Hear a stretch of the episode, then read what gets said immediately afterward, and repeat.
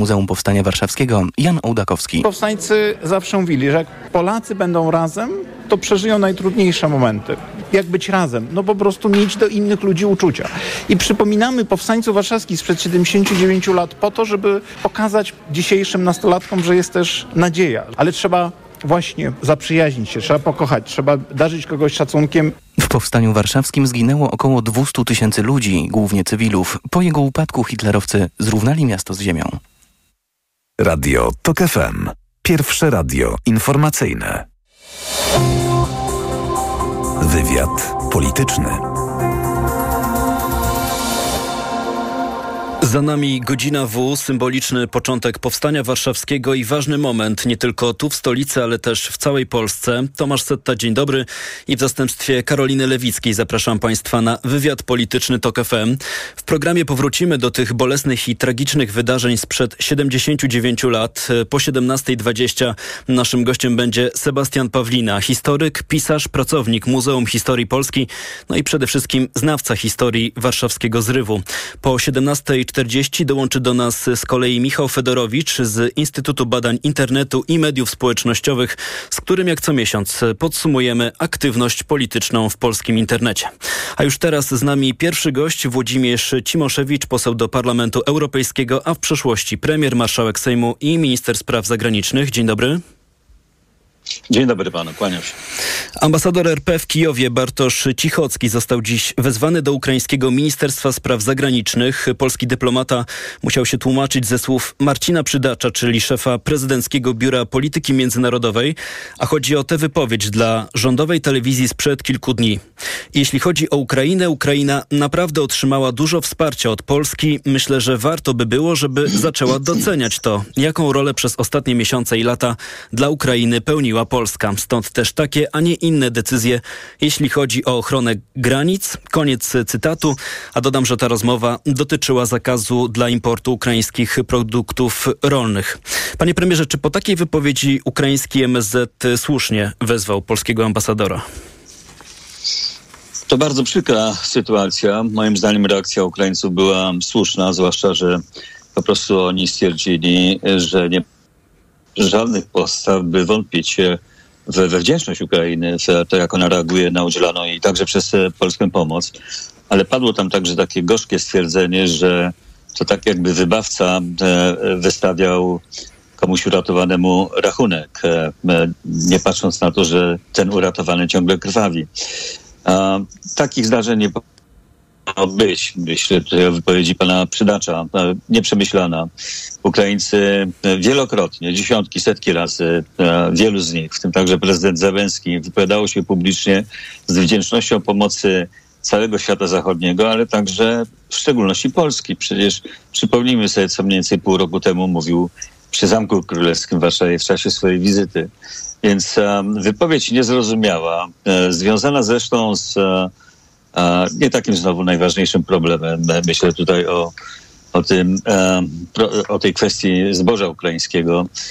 Pamiętajmy, że Ukraina jest jednym z największych producentów e, czy eksporterów, zwłaszcza zboża. Trwają żniwa. E, dziesiątki milionów ton tego muszą być wyeksportowane. Świat na to czeka. Należy ułatwiać Ukrainie wywiezienie tego zboża w świat, chociaż niekoniecznie zatrzymywanie go w Polsce. E, na, a na, nie, nie należy natomiast zamykać granicy i wprowadzać embarga.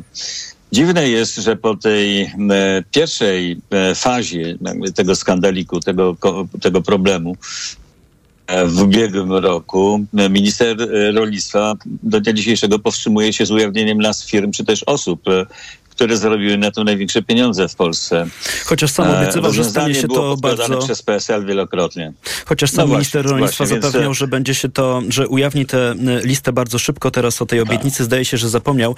Ja bym chciał wrócić do takiego jednego fragmentu pańskiej wypowiedzi, bo pan powiedział, że te słowa Marcina Przydacza, które stały się powodem tego wezwania polskiego ambasadora do ukraińskiego MSZ, że to była wypowiedź przypadkowa. Czy rzeczywiście pańskim zdaniem to był lapsus językowy, jeśli mogę użyć takiego sformułowania, czy mm, pewnego rodzaju wypowiedzi, których pańskim zdaniem być może będziemy musieli się spodziewać więcej ze strony rządzących w trakcie najbliższej kampanii wyborczej, bo przecież wiemy, że Prawo i Sprawiedliwość e, bardzo uważnie przygląda się opinii społecznej. W tych badaniach na pewno widać pewnego rodzaju zmęczenie polskiego społeczeństwa e, i wojną, i obecnością obywateli Ukrainy. To może nie jest tak, że jesteśmy my gremialnie jako tako zmęczeni tą obecnością, ale widać, że te nastroje się e, zmieniają. No i też wszyscy wiemy, że Konfederacja, od której dzisiaj się odżegnuje Prawo i Sprawiedliwość, jest dzisiaj dla partii rządzącej jakimś zagrożeniem. Czy pańskim zdaniem PiS może próbować to pole eksploatować?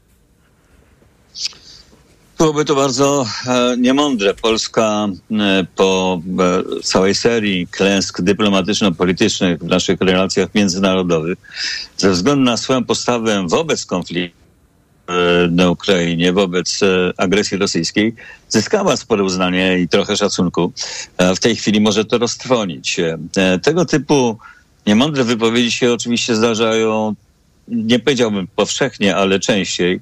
Niedawno e, skandalem była wypowiedź brytyjskiego ministra obrony Wallace'a, ale w tamtym przypadku premier Sunak natychmiast się od tego odciął, tego samego dnia.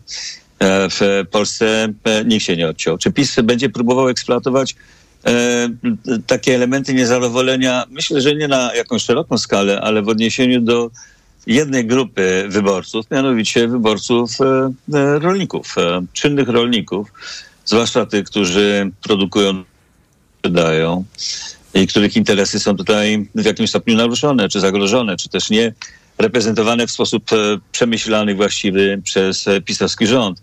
E, Rzeczywiście istnieje ryzyko, że ci dosyć wierni wyborcy PiSu raptem w tych wyborach na PiS e, nie zagłosują i PiS będzie próbował ich przyciągnąć z powrotem do siebie. Na koniec tego wątku przytoczę jeszcze tylko fragment mm, oświadczenia ukraińskiego MSZ już po spotkaniu z polskim ambasadorem.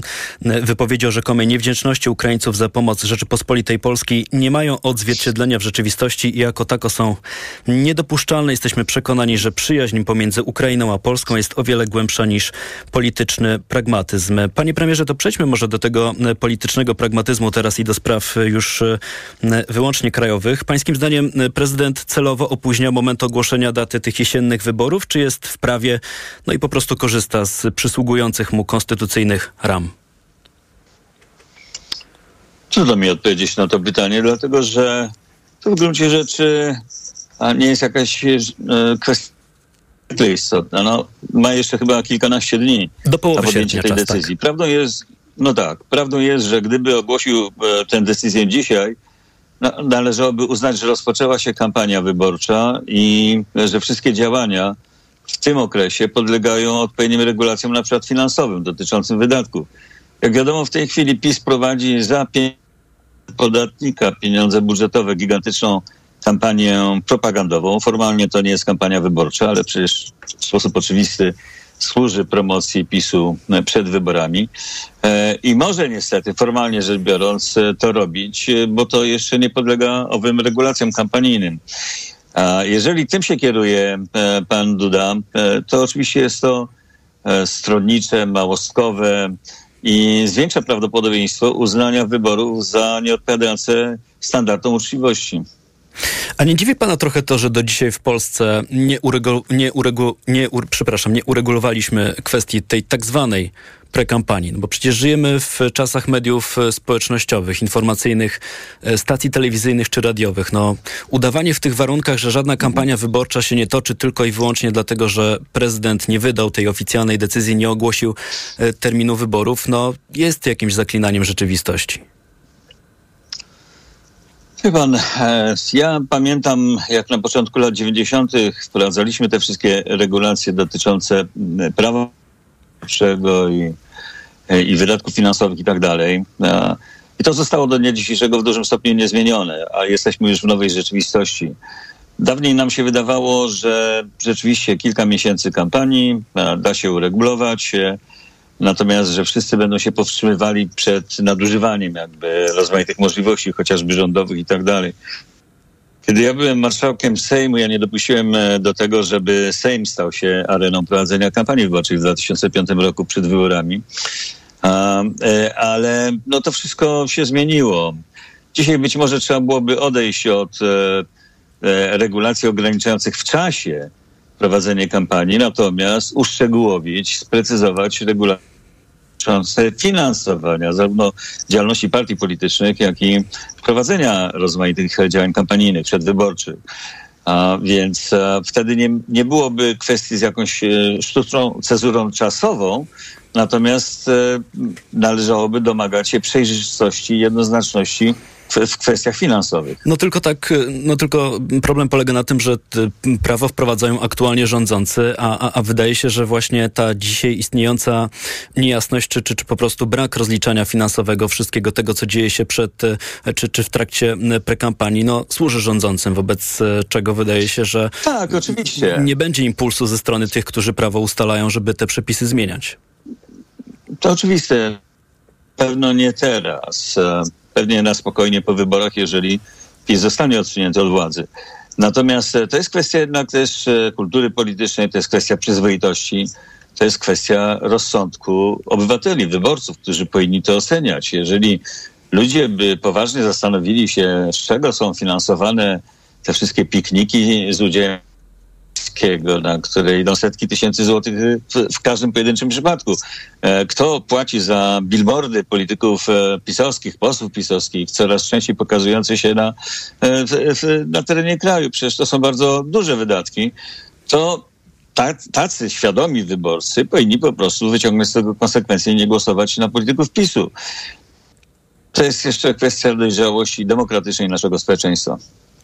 Tak, dopytuję też o ten termin wyborów, dlatego że dzisiaj ze strony lewicy popłynął taki apel do Andrzeja Dudy, żeby właśnie z tych powodów, o których dzisiaj e, rozmawialiśmy, żebyśmy już mogli poznać ten termin jesiennych wyborów parlamentarnych. Skoro o wyborach mówimy i o kampanii, no to muszę jeszcze zapytać o trzecią drogę, która zdaje się zmierzać do rozdroża. Ten Sojusz Ludowców i Partii Szymona Hołowni miał się rozbić o obecność na listach e, innymi działaczy Agrounii. E, z pańskiej perspektywy, jaki to jest komunikat dla opozycji?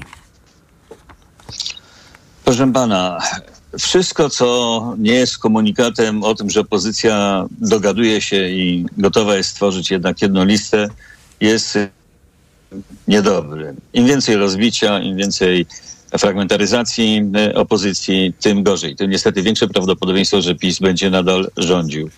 E, miał pan pewnie okazję kilka dni temu przeczytać wyborczej interesującą analizę wskazującą, że z arytmetyki, z arytmetyki wynika, że jeżeli e, są zrównoważone mniej więcej e, dwie strony sceny politycznej, prawica, konserwatywna część i powiedziałbym liberalno-lewicowa, to wtedy e, przy podziale na trzy listy opozycji nie ma arytmetycznych szans na uzyskanie większości sejmowej, a więc przejęcie rządu. Tak więc e, wszystko to, e, to jest, o czym pan w tej chwili wspomina, między innymi możliwość jeszcze tej trzeciej drogi i tak dalej. To jest taki bardzo niedobry szum. Przy czym jeżeli by się rozpadła i gdyby PSL razem z tą chyba Agrounią, to się tak nazywa, przystąpił do koalicji z koalicją obywatelską, gdyby do tego dołączyła jeszcze lewica, a pan Hołownia uparł się i został sam poza takim układem, to sytuacja byłaby troszeczkę lepsza, w tym sensie, że wynik, e, w, gdy chodzi o liczbę zdobytych mandatów przez opozycję mógłby być lepszy. No pytanie, czy na zawiązanie takiego sojuszu, o którym pan wspomina, czyli poszerzenie na przykład koalicji obywatelskiej o ludowców e, czy, czy agrounię, pytanie, czy nie jest na to już za późno, bo pamiętam przykłady z innych krajów, gdzie konstruowano takie wspólne listy i tam te projekty były obliczone na wiele miesięcy, ale gdyby te drogi trzeciej drogi się koniec końców rozeszły, dzisiaj zdaje się jest wieczorem jakieś spotkanie ostatniej szansy liderów PSL-u i Polski 2050. Czy gdyby te rozmowy nie przyniosły rezultatu, pan ma jakąś obawę, że albo oba te ugrupowania nie przekroczą progu wyborczego i nie wejdą do Sejmu, albo któreś z tych ugrupowań nie będzie w stanie tego zrobić? Któreś z nich prawdopodobnie przekroczy 5% progu, a niewykluczone, że i oba. E, I e, to jest rozczarowujące, dlatego że to oznacza, że kilkaset tysięcy głosów e, oddanych na takie ugrupowania pójdzie do kosza. Na tym wyłącznie skorzysta PiS. To na koniec, panie, panie premierze, jeśli pan pozwoli, jeszcze jeden temat. Kilka dni temu Sejm przyjął ustawę, która daje prezydentowi dość e, szerokie, no i dotąd nieznane uprawnienia w prowadzeniu polityki europejskiej. Mowa chociażby o zatwierdzaniu przez prezydenta lub wetowaniu kandydatów rządu, na przykład do Komisji Europejskiej. W Parlamencie Europejskim w Brukseli to jest jakiś temat?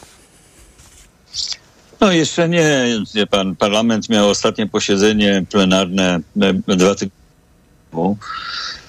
E, I od tej pory nie spotykaliśmy się, więc e, no, ta kwestia powróci trochę później, ale powiem szczerze, że to nie będzie interesujące dla instytucji europejskich. To jest wewnętrzna sprawa Polski. Ta ustawa jest oczywiście niekonstytucyjna.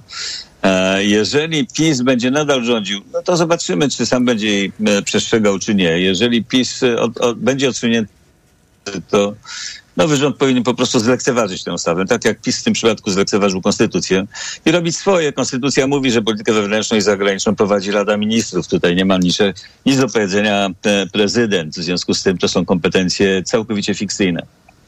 Pan mówi, że z punktu widzenia, jak rozumiem, tego formalnego, to nie jest przedmiot zainteresowania, czy nie będzie przedmiot zainteresowania Brukseli, bo każdy kraj musi po swojemu te relacje ułożyć, ale no już pytam o takie potencjalne scenariusze, bo ta ustawa jest na stole i skoro jest projektem prezydenckim, to też można wyobrazić sobie łatwo podpis pod taką ustawą. Czy rzeczywiście, mm. czy, czy na przykład Unia może ignorować te przepisy? Załóżmy, że wygrywa wybory rząd opozycyjny, no przedstawia tak, ale... swoich kandydatów, prezydent ich wetuje i wtedy Komisja Europejska mówi co? Nie patrzymy na to weto. Nie, nie, nie. Tutaj to co, to, co prezydent będzie mówił, pisał i tak dalej, będzie bez znaczenia. Istotne będzie to, co zostanie przekazane do instytucji europejskich. To wynika z prawa międzynarodowego.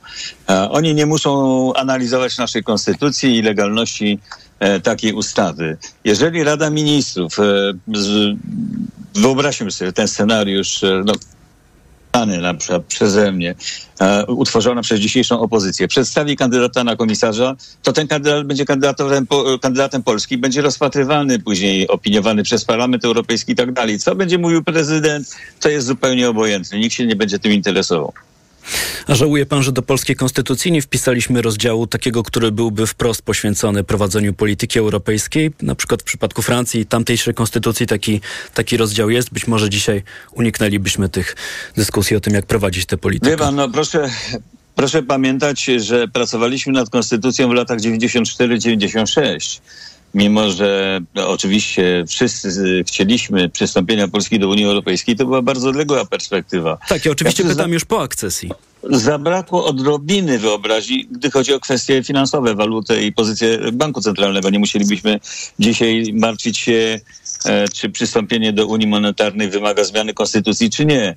Natomiast to, że nie było rozdziału poświęconego Unii Europejskiej, to nie jest zaskakujące. Gdyby w Polsce scena polityczna i większość partii politycznych zachowywały sądnej, proeuropejskie, to w tym zakresie konstytucję można byłoby teraz uzupełnić. Włodzimierz Cimoszewicz, poseł do Parlamentu Europejskiego, były premier i były minister spraw zagranicznych. Bardzo dziękuję za tę rozmowę. Dziękuję, kłaniam się. Trwa wywiad polityczny w radiu TOK FM. Za moment informacje, a po nich wrócimy do rocznicy Powstania Warszawskiego. Wywiad polityczny. Radio TOK FM. Pierwsze radio informacyjne. Informacje TOK FM. 17.20 Piotr Jaśkowiak, zapraszam. Minęło 79 lat od wybuchu Powstania Warszawskiego. W stolicy i innych miastach zawyły syreny, by uczcić bohaterów 1944 roku. Stanisław Żurawski decyzję o przystąpieniu do powstania podjął spontanicznie. Koledzy do tego skłonili, że no ja mówię, nie, nie mogę być gorszy. A miałem starszego brata. Wszystko, co, co robi, robiłem, to zawsze z bratem. Jak zobaczyłem flagę biało-czerwoną, to naprawdę jakbym nie wiem co zobaczył.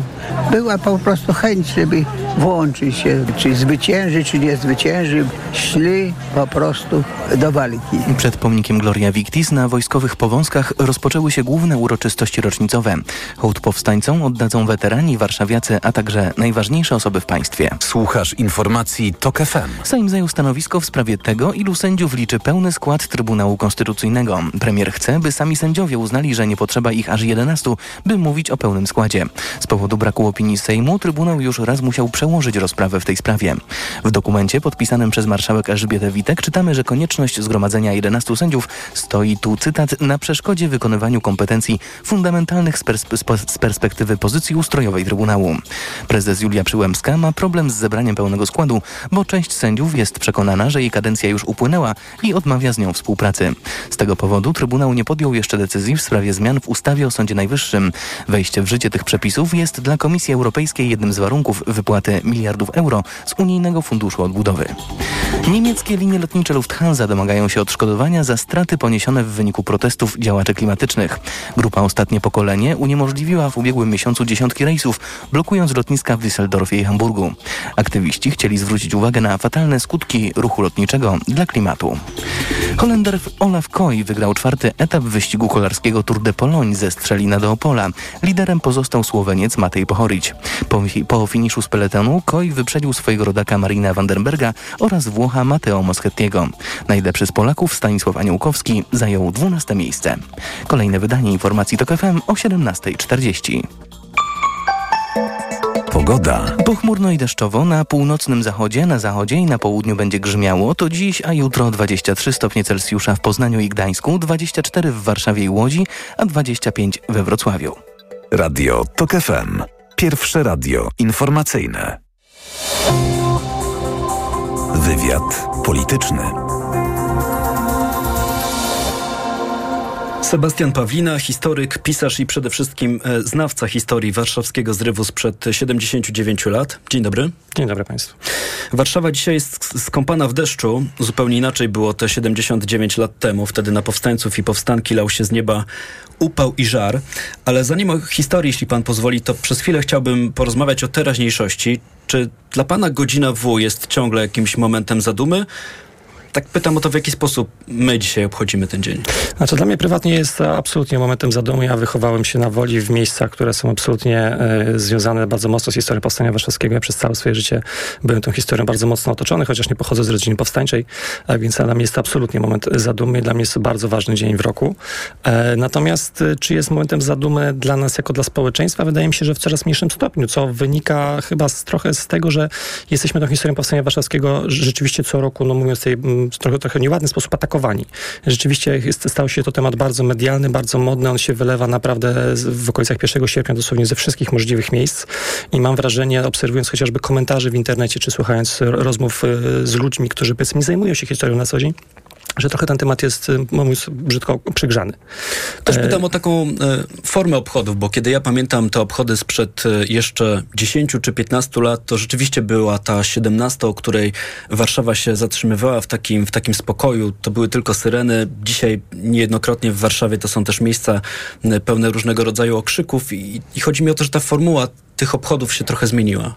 Absolutnie się zmieniła. Ja pamiętam jeszcze obchody no, lat 20 parę temu, kiedy Warszawa, to było przed 2004 rokiem, kiedy ten boom rozpoczął się na powstanie warszawskie tak naprawdę, e, kiedy, Warszaw, kiedy w Warszawie naprawdę niedużo osób się zatrzymywało. To było, to było naprawdę, ja nawet na tej woli, gdzie, tak jak mówiłem, to jest miejsce bardzo mocno związane z powstaniem warszawskim, tych osób zatrzymujących się o godzinie 17 wcale dużo e, nie było. Zmieniło się to absolutnie. Stał się to temat raz, że medialny, dwa, bardzo polityczny.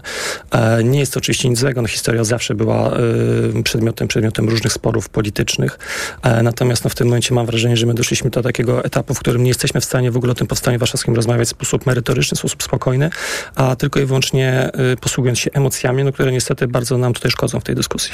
No mam nadzieję, że my tutaj dzisiaj y, postaramy się spokojnie o tych wydarzeniach sprzed 79 lat porozmawiać. Do polityki jeszcze wrócimy, ale obiecałem, że będzie o tej historii, więc do tej historii wróćmy.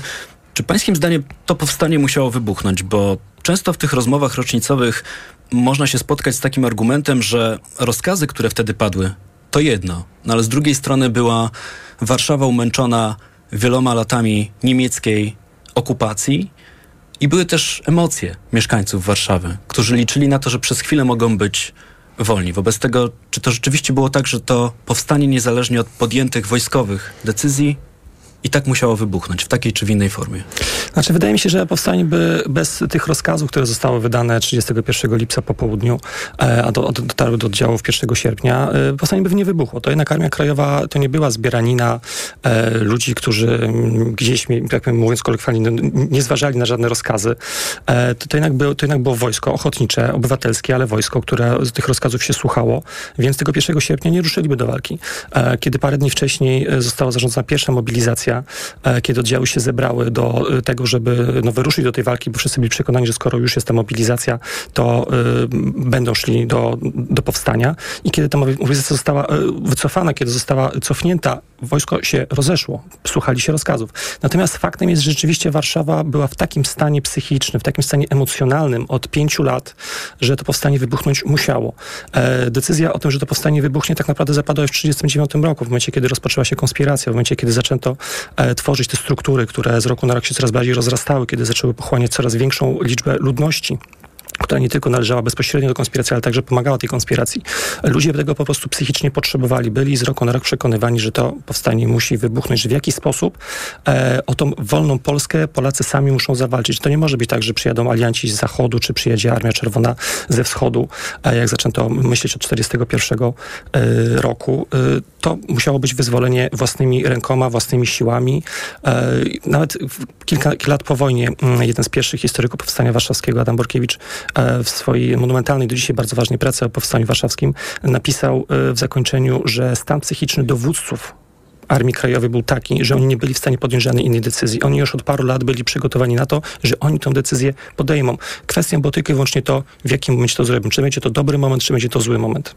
Czy ja dobrze pana rozumiem, że te rozkazy, które wtedy padły, one były w jakimś sensie dopełnieniem tych emocji, które i tak wtedy panowały w stolicy? Tak, absolutnie. E, w momencie, kiedy się pochylimy nad y, zapisami, nad relacjami z rozmów, które toczyły się w Komendzie Głównej Armii Krajowej w ostatnich dniach lipca 1944 roku, to widać, że tam tak naprawdę poza jedną, dwoma osobami nie było nikogo, kto y, byłby w stanie powiedzieć, że nie, że powstanie nie może wybuchnąć. Nawet pułkownik Kazimierz Iranek Kosmecki, dowódca, y, szef wywiadu Armii Krajowej, człowiek, który był niezwykle y, kompetentny, który był naprawdę bardzo spokojny w podejmowaniu jakichkolwiek decyzji, nie był przeciwny samemu powstaniu, ale uważał, że trzeba wyczekać do dobrego momentu, do momentu, w którym rzeczywiście Armia Czerwona wejdzie do Warszawy, wtedy, kiedy będzie już wiadomo, że Warszawa tą pomoc otrzyma. Tak więc no, powstanie warszawskie nie miało możliwości nie wybuchnąć. A czy ten moment mógł być lepszy? Wydaje się, że mógł być lepszy, tylko pytanie tak jakby, czy gdyby poczekano jeszcze parę dni, to czy ten moment by nadszedł. Generalnie chodziło o to, że e, dowództwo Armii Krajowej chciało czekać na sytuację, w której e, oddziały Armii Czerwonej wchodzą do Warszawy.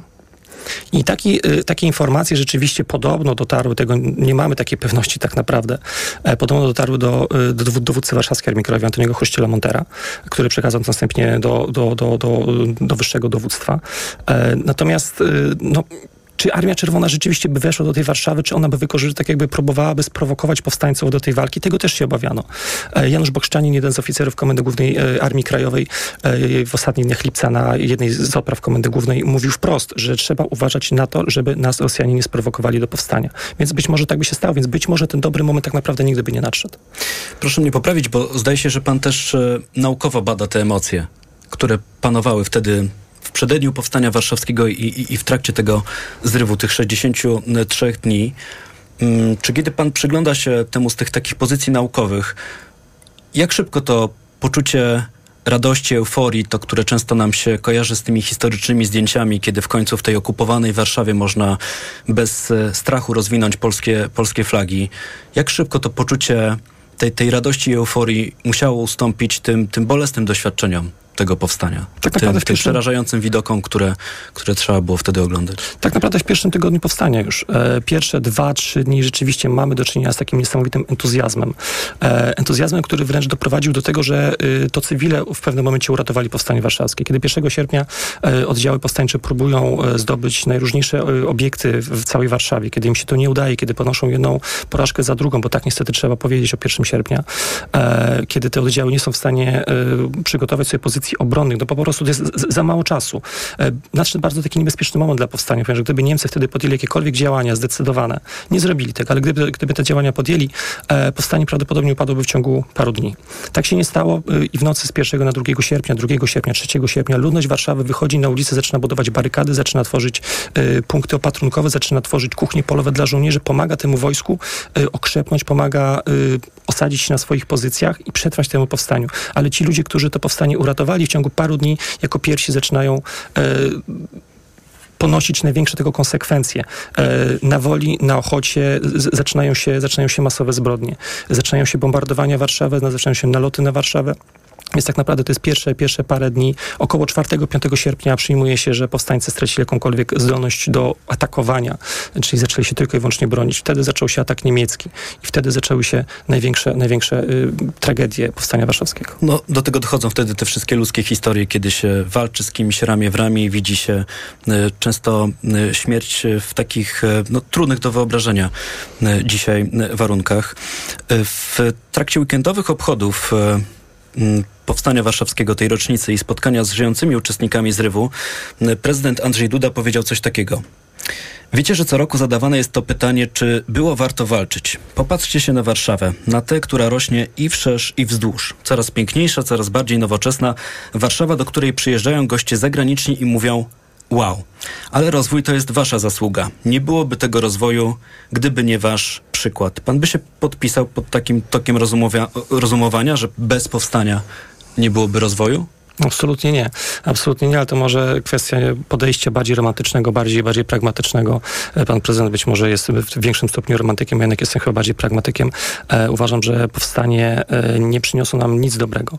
E, zniszczone miasto, e, setki, tysiące, tysiące ofiar śmiertelnych, tysiące ludzi, którzy zostali wyrzuceni ze swoich domów, którzy do tych domów już więcej nie wrócili, tysiące rodzin, które zostały rozdzielone, e, ale myśląc przyszłościowo, także ogromne straty w kulturze, ogromne straty w tej warstwie warstwie no, inteligenckiej, tych ludzi, którzy przez pięć lat y, w podziemiu, przez, przez podziemne szkolnictwo byli przygotowywani do tego, żeby Polskę po wojnie odbudowywać. Ci ludzie ponieśli gigantyczne straty.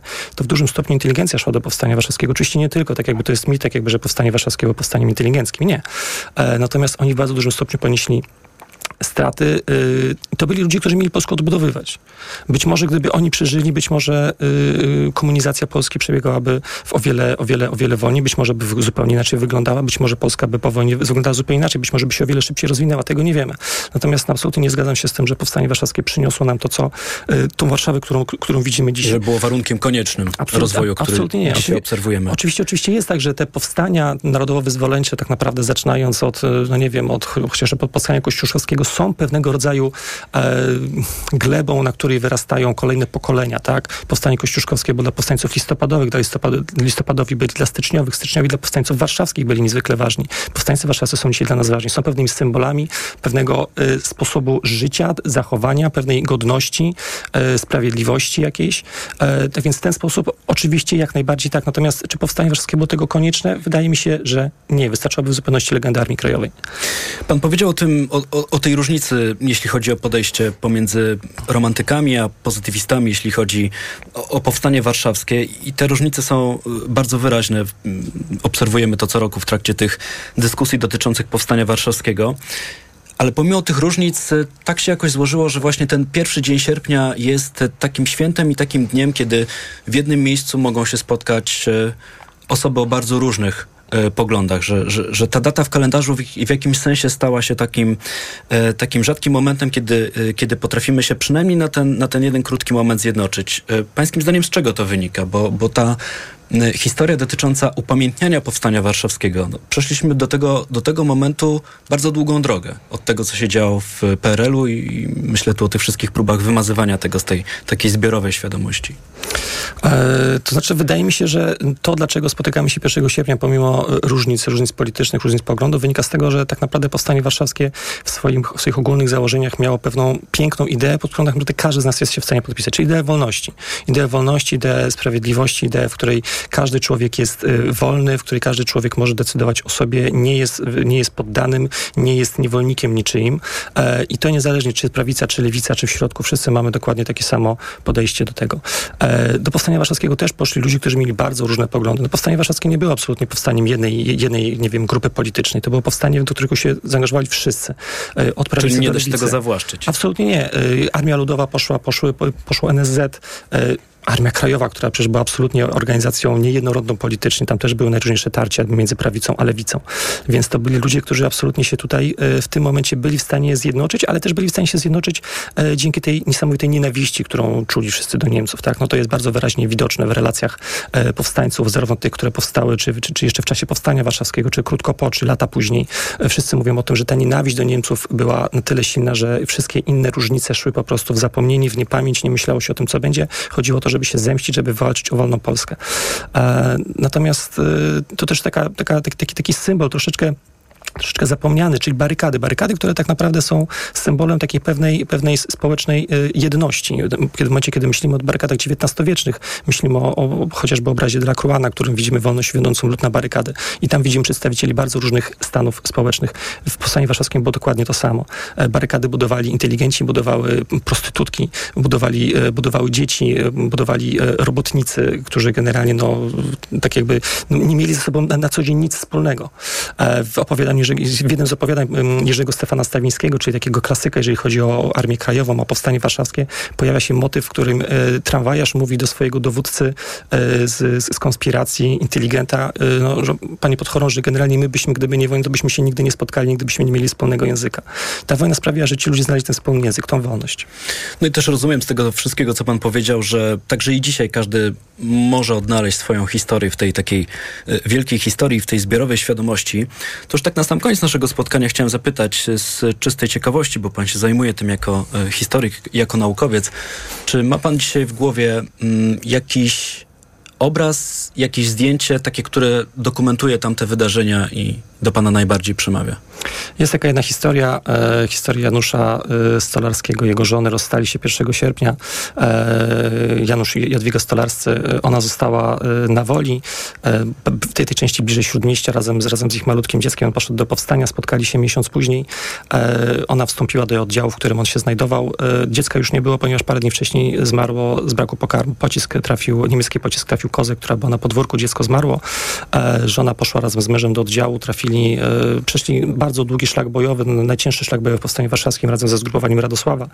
E, I w, w ostatnich dniach Powstania Warszawskiego, kiedy już w zasadzie wszystko się wyciszało, kiedy już myślano o tym, że to za chwilę się skończy, że przeżyliśmy, Janusz siada w alejach ujazdowskich w oknie domu, zdejmuje hełm po raz pierwszy od wielu, wielu dni i w tym momencie koło niego wybucha pocisk, trafia go w głowę, on ginie, ona zostaje sama i po wojnie zaczyna szukać y, przyjaciół swojego męża, y, dramatycznej listy y, kobiety, która straciła absolutnie wszystkich w Powstaniu Warszawskim i to jest dla mnie obraz Powstania Warszawskiego. Czyli niekoniecznie jakaś fotografia, tylko, tylko historia.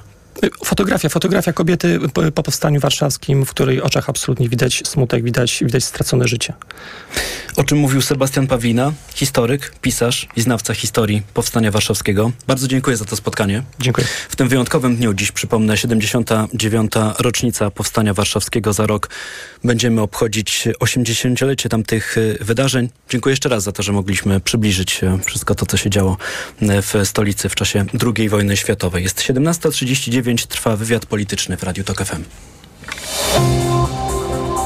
Wywiad polityczny.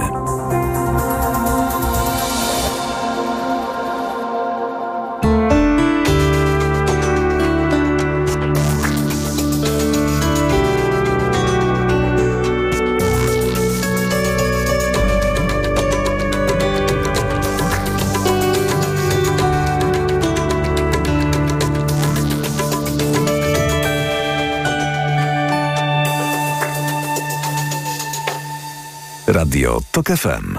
Pierwsze radio informacyjne. Informacje TOK FM. 17.40. Piotr Jaśkowiak, zapraszam. Polskie Stronnictwo Ludowe chce współpracować z Agrounią w ramach trzeciej drogi, czyli sojuszu, który ludowcy zawarli z Polską 2050. PSL chce zachęcić lidera Agrounii do wspólnego startu, ale ugrupowanie Szymona Hołowni na tę współpracę się nie zgadza. Szymon Kępka. O współpracy PSL i Michała Kołodziejczaka mówił w TOK FM Krzysztof Hetman, wiceszef PSL. Twierdzi, że trzeciej drodze potrzebne jest sięganie po nowych wyborców, na przykład tych z centroprawicy. Ten projekt musi być inkluzywny. Musimy do niego dołączać nowe środowiska, nowych ludzi, szczególnie tych, którzy będą kierować swoją ofertę do centroprawicowych wyborców, bo bez nich zwyczajnie tych wyborów się nie wygra. Hetman dodaje, że program PSL i Agrounii się pokrywa, ale tego nie widzą politycy Polski 2050. Na razie dość chłodno mówią o ewentualnej współpracy z Agrounią. Katarzyna Pełczyńska-Nałęcz, szefowa sztabu Polski 2050. Ja nie mam pojęcia, co mają do powiedzenia o służbie zdrowia, o edukacji, yy, o podatkach. Teraz piłeczka po stronie Szymona Hołowni, bo są nieoficjalne głosy, że przystąpienie Do trzeciej drogi ma być warunkiem PSL-u na dalsze funkcjonowanie w sojuszu. Szymon Kępka, TOK FM. Wiemy, kiedy Sejm zajmie się rozpisaniem ogólnokrajowego referendum. Posłowie przerwą wakacje, by zebrać się na dwudniowym posiedzeniu 16 i 17 sierpnia. Prawo i Sprawiedliwość chce, by obywatele jesienią zagłosowali nad unijną polityką migracyjną. Prawicowo-populistyczna alternatywa dla Niemiec osiągnęła najwyższe jak dotąd poparcie w sondażu prowadzonym przez Instytut Badawczy Forsa. Na AfD chce głosować 21% wyborców za naszą zachodnią granicą. Spada natomiast poparcie dla Hadeków z CDU-CSU, którzy mogą liczyć na 25% głosów i wciąż prowadzą. Socjaldemokraci kanclerza Olafa Scholza mają 17% poparcia. Słuchasz informacji TOK FM. Role kobiet w Powstaniu Warszawskim były takie same jak mężczyzn, mówiła w TOK FM historyczka dr Katarzyna Utracka. Muzeum Powstania Warszawskiego przygotowało wystawę poświęconą bohaterkom tamtych wydarzeń. Kobiety też były żołnierzami. Oczywiście sanitariuszki, łączniczki były w powstaniu i to była bardzo ważna, odpowiedzialna funkcja, ale te kobiety nie pojawiły się 1 sierpnia 1944 roku. One miały swoje życiorysy, swoje historie. To były kobiety, które często były zaprawione w boju. Były kobiety, które walczyły w I wojnie światowej w 20 roku, w 39. Powstanie warszawskie wybuchło 79 lat temu. Punktualnie w godzinę W zawyły syreny w całym kraju. Także o tym w magazynie TOK 360 o 18. Pogoda. Jutro najcieplej we Wrocławiu, nawet 25 stopni Celsjusza, w Warszawie, Łodzi i Krakowie 24, a w Poznaniu i Trójmieście 23 stopnie. Dzisiaj zachmurzenie umiarkowane albo duże i przelotny deszcz. W północno-zachodniej, zachodniej i południowej części Polski burze. Radio TOK FM. Pierwsze radio informacyjne. Wywiad polityczny. Michał Fedorowicz, Instytut Badań Internetu i Mediów Społecznościowych jest z nami. Dzień dobry. Dzień dobry panie redaktorze, dzień dobry państwu. Czyli jak co miesiąc będziemy w wywiadzie politycznym podsumowywać wszystko to, co wydarzyło się w polskim politycznym internecie. Kiedy miesiąc temu rozmawiał pan tu z Karoliną Lewicką i mówiliście o podsumowaniu politycznym czerwca, to padło takie sformułowanie, że ten czerwiec był miesiącem rekordowym. Proszę mnie poprawić, jeśli chodzi o aktywność polityczną e, użytkowników. Ten lipiec, którym dzisiaj się zajmiemy, to jakiś kolejny rekord, czy wręcz przeciwnie? Tak, znaczy... Po Plaża i wakacje. Nie, nie, właśnie z początek lipca i kwestie dotyczące migrantów i wydarzeń w Paryżu, które przyniosły się do polskiego internetu politycznego. Mamy kilka rekordów odnotowanych, to znaczy film Donalda Tuska o migrantach, 5,5 miliona wyświetleń, rekord polskiego TikToka. Z drugiej strony rekordowy też 4 miliony, 4,5 chyba, czy 4,4 wyświetleń premiera Morawieckiego, też y, jego spot o migrantach. Dodatkowo trzeba powiedzieć, że kolejne 9 milionów wyświetleń y, spotu premiera Morawieckiego na świecie, w sensie w Stanach, w, w Unii Europejskiej. E, bardzo duże zainteresowanie rekordowe widzimy też, jeśli chodzi o zainteresowanie tematem grupy Wagnera. To jest paradoksalnie pierwszy raz widzimy taką dużą, nazwijmy to, mobilizację wyborców y, czy użytkowników bań, bańki ProPiS od czasów słynnych robaków. Więc to tak naprawdę jest coś, co faktycznie, szczególnie na wschodzie Polski, rusza użytkowników i wywołuje emocje, jakich y, PiSowi nie udało się chyba w, w ostatnich 5-6 miesiącach wywołać. I dobrze rozumiem, że to się pojawiło razem z tymi informacjami, że tych, e, ta grupa 100 Wagnerowców jest e, w pobliżu e, polskiej granicy i to przy okazji też się zbiegło z takimi zabiegami politycznymi Prawa i Sprawiedliwości, jakąś wizytą na, na granicy, wystąpieniami. Tak, obserwujemy cały proces. To trwa już kilka dni, nawet y, więcej troszeczkę, gdzie obserwujemy, gdzie te informacje w sieci bardzo, szczególnie jakbyśmy mm, bardzo często jest, są takie mapki, widać zabory, memy i widzimy, że cały wschód Polski żyje grupą Wagnera, natomiast cała reszta Polski żyje czymś innym. Ale te województwa, jeżeli zobaczymy y, Podkarpacie, Lubelskie, y, Podlasie, Warmia Mazury, nawet część Świętokrzyskiego i Małopolska, absolutnie y, dla nich dzisiaj, dla tych użytkowników, z tych tematów stricte takich politycznych temat numer jeden. Mówimy o wschodzie Polski, ale nie tylko o tym takim bezpośrednim mm, pograniczu polsko-białoruskim, gdzie rzeczywiście do, do, do jakichś niepokojących wydarzeń mogłoby dojść.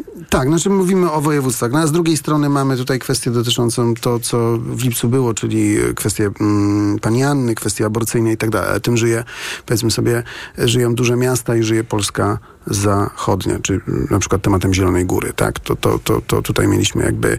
Mm, to są tematy, którymi żyje mm, druga e, część kraju. No właśnie, powiedzieliśmy o rekordach, to przejdźmy do tych innych tematów, przy czym muszę się i panu, i państwu, naszym słuchaczkom i słuchaczom przyznać, że podsumowujemy lipiec, a w moim przypadku to był miesiąc, który w dużej mierze upłynął pod znakiem urlopu, więc mam taką pewną wyrwę w życiorysie, ale wydaje mi się, że to też dobry jakiś tutaj e, powód, dla którego, dla którego możemy od tej strony do tego tematu podejść. Gdyby miał mi pan opowiedzieć, co mnie ominęło e, w czasie tej, tej nieobecności, jeśli chodzi o politykę w internecie.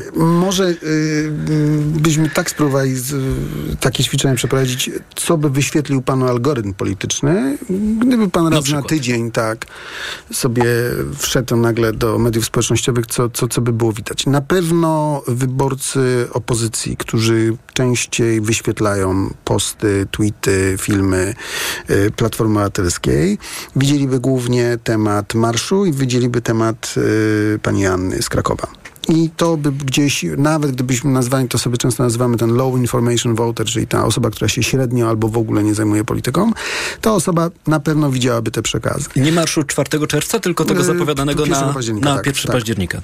Tak, i to, to by gdzieś tutaj taki wyborca, znaczy użytkownik widziałby te przekazy. Gdyby natomiast e, było to kwestia mm, mm, tak zwana bańka Konfederacji i bardziej jakby e, pan redaktor by lajkował tamtą stronę, tutaj by się pojawiały tak naprawdę głównie kandydaci Konfederacji i mm, tworzenie, to co Konfederacja już teraz jakby systematycznie zaczyna robić, czyli tworzenie przez nią jakichś przekazów politycznych, które, które, które są, które widać. E, Gdyby był pan, mm, powiedzmy sobie, wyborcą PiSu, to głównie grupa Wagnera i generalnie bezpieczeństwo granic. To, to, to tutaj by, to by nam się e, wyświetlało. E, Jeśli chodzi o trzecią drogę, to może jeszcze część wyborców PSL-u widziałaby problemy na wsi, które są dotyczące głównie cen e, pszenicy, rzepaku, owoców miękkich i tak dalej. Natomiast wyborcy Hołowni e, raczej by pan widział głównie przekazy Platformy Obywatelskiej. Tak by to wyglądało. To po kolei. Padło w tej rozmowie już hasło Konfederacja. Zapytam o ten element, na który w cudzysłowie się załapałem, bo z tego urlopu się już udało wtedy e, wrócić. E, To jest e, mm, takie wspólne wystąpienie e, Sławomira Mencena w towarzystwie e, szefa Najwyższej Izby Kontroli, Mariana Banasia. E, Czy, czy, ta formacja, która tak e, stara się konsekwentnie budować zasięgi w mediach społecznościowych, czy to konkretne wydarzenie, które tak odbiło się szerokim echem w mass mediach, czy ono też miało jakieś przełożenie na to, co działo się w internecie? Absolutnie żadnego. Absolutnie żadnego. To znaczy wybor, znaczy użytkownik Konfederacji paradoksalnie te rzeczy go wcale nie interesują. Że to nie był przekaz To nie dla jest niego. przekaz dla niego. To jest, jego interesuje, e, jego interesują tak zwane wielkie rzeczy, które obiecuje, e, obiecuje Konfederacja. Jego interesuje faktyczne z, e, ograniczenie podatków, no, rzeczy wielkie, tak zwane, tak nazywamy to big idea. Jego polityka, mało tego, wydaje się, że nie zauważył przeciętny użytkownik, zjadacz, bań, znaczy taki obecny w bańce Konfederacji tego, tych eventów. Bo to jest taka polityka instytucjonalna. Rozumiem, że niekoniecznie takiego wyborcy interesuje los Najwyższej Izby Kontroli. ja zaryzykuję tezę, że nawet nie za bardzo skojarzył co i gdzie. I, i, yy, i to nie chodzi o to, że komuś ujmujemy, tylko yy, paradoks, jeśli chodzi o komunikację w Konfederacji, polega na tym, że ona informuje o rzeczach, czy, czy komunikuje rzeczy, które nie są polityką. To zna, nie są taką polityką gabinetową, instytucjonalną. Ona bardziej mówi o pewnego rodzaju skojarzeniach, o pewnego rodzaju e, rozwiązaniach systemowych i z tego powodu ma popularność. No dobrze, to y, pomówiliśmy o Konfederacji. Czy perypetie trzeciej drogi? Wciąż chyba jeszcze trzeciej drogi. Czy to jest coś, co zajmuje polski Jest- internet? Jest kilka e, paradoksów. Po pierwsze, obserwujemy, że bardzo systematycznie zdobywa zasięgi i rozszerza się sam Władysław yy, Kośniak-Kamysz jako i PSL. Widzimy straszną presję mm, użytkowników tak zwanej agrobańki na Prawo i Sprawiedliwość, na kwestie dotyczących w ogóle wsi i rozwiązań też systemowych. Tutaj głównie mm, ceny skupu wszystkich, mm, wszystkich owoców miękkich, pszenicy, no każdego jednego produktu, y, który, który wytwarza polska wieś. Widzimy wzrost bardzo dużo nastrojów antyukraińskich, szczególnie w bańce agro. I teraz na tym tle gdzieś PSL jest. Jest na pewno wysoko-zasięgowy y, szef agrounii Kołodziejczak. Szczególnie y, robi furorę jego, jego sprzeczka z wiceministrem Januszem Kowalskim. Tak, to, to też tak, chciałem tak, tak. zapytać, bo wydaje się, że to miało taki największy E, potencjał. Bardzo ciekawe i absolutnie tu nie oceniam, natomiast bardzo ciekawe e, komunikacje robi sam minister rolnictwa Telus, który mm, komunikuje się za pomocą TikToka i, parad- i, i wbrew temu, co nam się wydaje, te zasięgi są, są e, uzyskuje. Jest to pierwszy minister w ogóle od 10 lat, który nie odrzuca systemowo, nie odrzuca systemowo mediów społecznościowych do komunikacji z rolnikami, ale znowu nie widać tam, widać tam PSL, nie widać tam y, Polski 2050. Po prostu nie widać. To jest, ta bańka bardzo się skurcza. Warto przypomnieć słuchaczom, że sam Szymon Hołownia ma milion prawie gdzieś w granicach miliona, milion e, obserwujących na swoim profilu na Facebooku. Jest dzisiaj,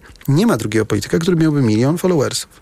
Natomiast zaangażowanie, czyli mm, tutaj bardzo często jest taki mit, że jeżeli mam milion obserwujących, to mam milion zasięgu. Absolutnie nie.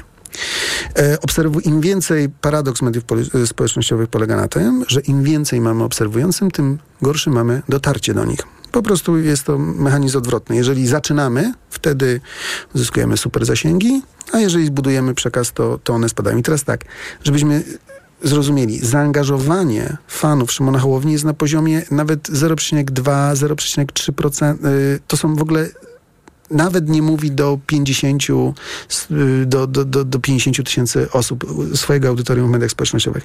Więc absolutnie nie widzimy Mówię, widzimy PSL, widzimy sprawy rolnicze, natomiast nie widzimy trzeciej drogi jako, jako, jako brandu.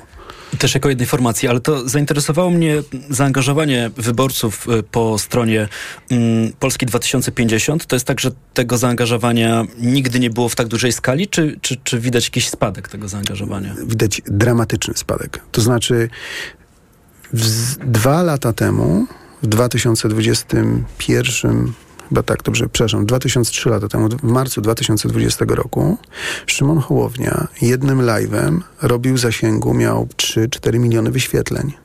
To była pandemia. Dzisiaj tak naprawdę to są spadki o 90-95%.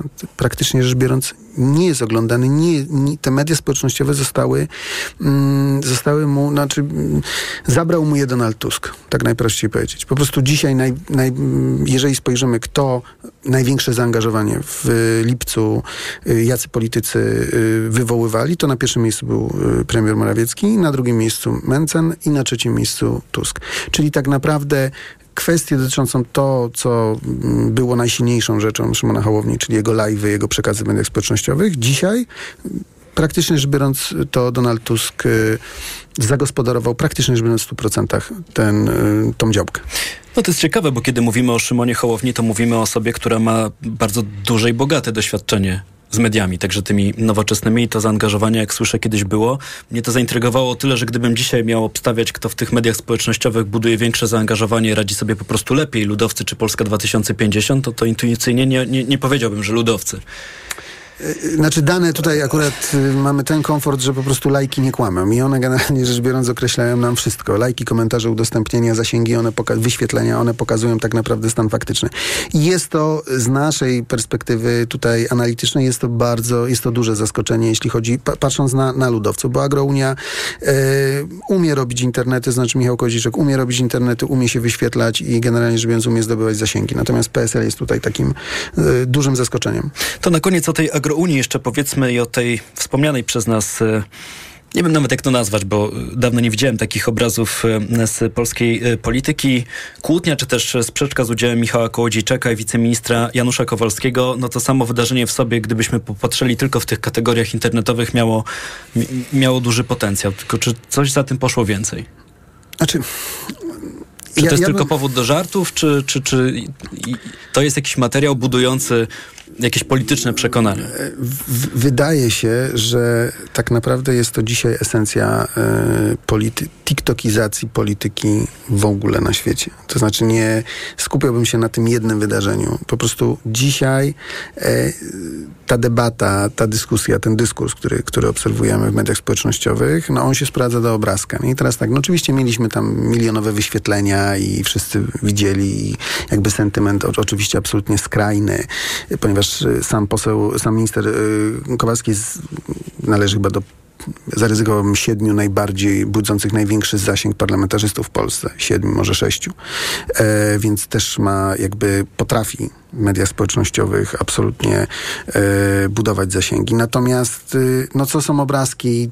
Sentyment skrajny, polaryzacja. I znowu jedni za, drudzy przeciw. I mm, paradoksalnie nam się może wydawać, bo będziemy to oceniać na podstawie własnych jakichś doświadczeń, że to było dobre czy złe, ale paradoks polega na tym, że druga strona będzie oceniać w ten sposób i mamy znowu polaryzację i znowu tak naprawdę jedni powiedzieli, że y, minister Kowalski nie miał racji, a drudzy powiedzieli, że szef Agrounii to rosyjska propaganda. I znowu kolejny dzień można, że tak powiem, na tym politycznym Twitterze, czyli politycznym MMA się tłuc. No chyba już nie Twitterze. Xie. Xie, nawet jak Państwo zajrzą, to już też nie można tweetować, tylko się e, tak. po, po, po, postuje i zamieszcza się już tylko te, e, te komunikaty. To takimi trochę e, smutki, smutnymi, chociaż w jakiejś też mierze oczywistymi wnioskami kończymy, że w tę stronę zmierza ta, ta, ta, ta nasza debata. Nie starczy nam czasu. Jeszcze tak o tego ministra rolnictwa chciałem zapytać, bo powiedział Pan o tym jego dużym zaangażowaniu, jeśli chodzi o media społecznościowe, przy czym jest to zaangażowanie dość niestandardowe. Ja kojarzę taki jeden film z gaśnicą. Trudno jest było tak. powiedzieć, o co w tym materiale chodziło. Ale y, i znowu, no, ale z drugiej strony mamy wyświetlenia i teraz jest pytanie y, tak naprawdę o mm, jak politycy powinni się komunikować. Ja myślę, że to, to myślę, że to jest w ogóle osobny temat i Tak i jest, już nie na badania. dzisiaj. Tak, dokładnie. Bardzo dziękuję. Michał Fedorowicz, Instytut Badań Internetu i Mediów Społecznościowych. To lipcowe podsumowanie tego politycznego, tych politycznych rewirów e, polskiego internetu. Dzięki raz jeszcze. Bardzo dziękuję. Program wydawała Małgorzata Wołczyńska, realizował Adam Szuraj, również wielkie dzięki. O 18 w Radiu TOK FM, magazyn TOK 360. Dziś przywita się z Państwem Wojciech Muzal. Ja nazywam się Tomasz Setta, życzę Państwu dobrego wieczoru i zapraszam na magazyn EKG. Słyszymy się jutro po dziewiątej. Do usłyszenia.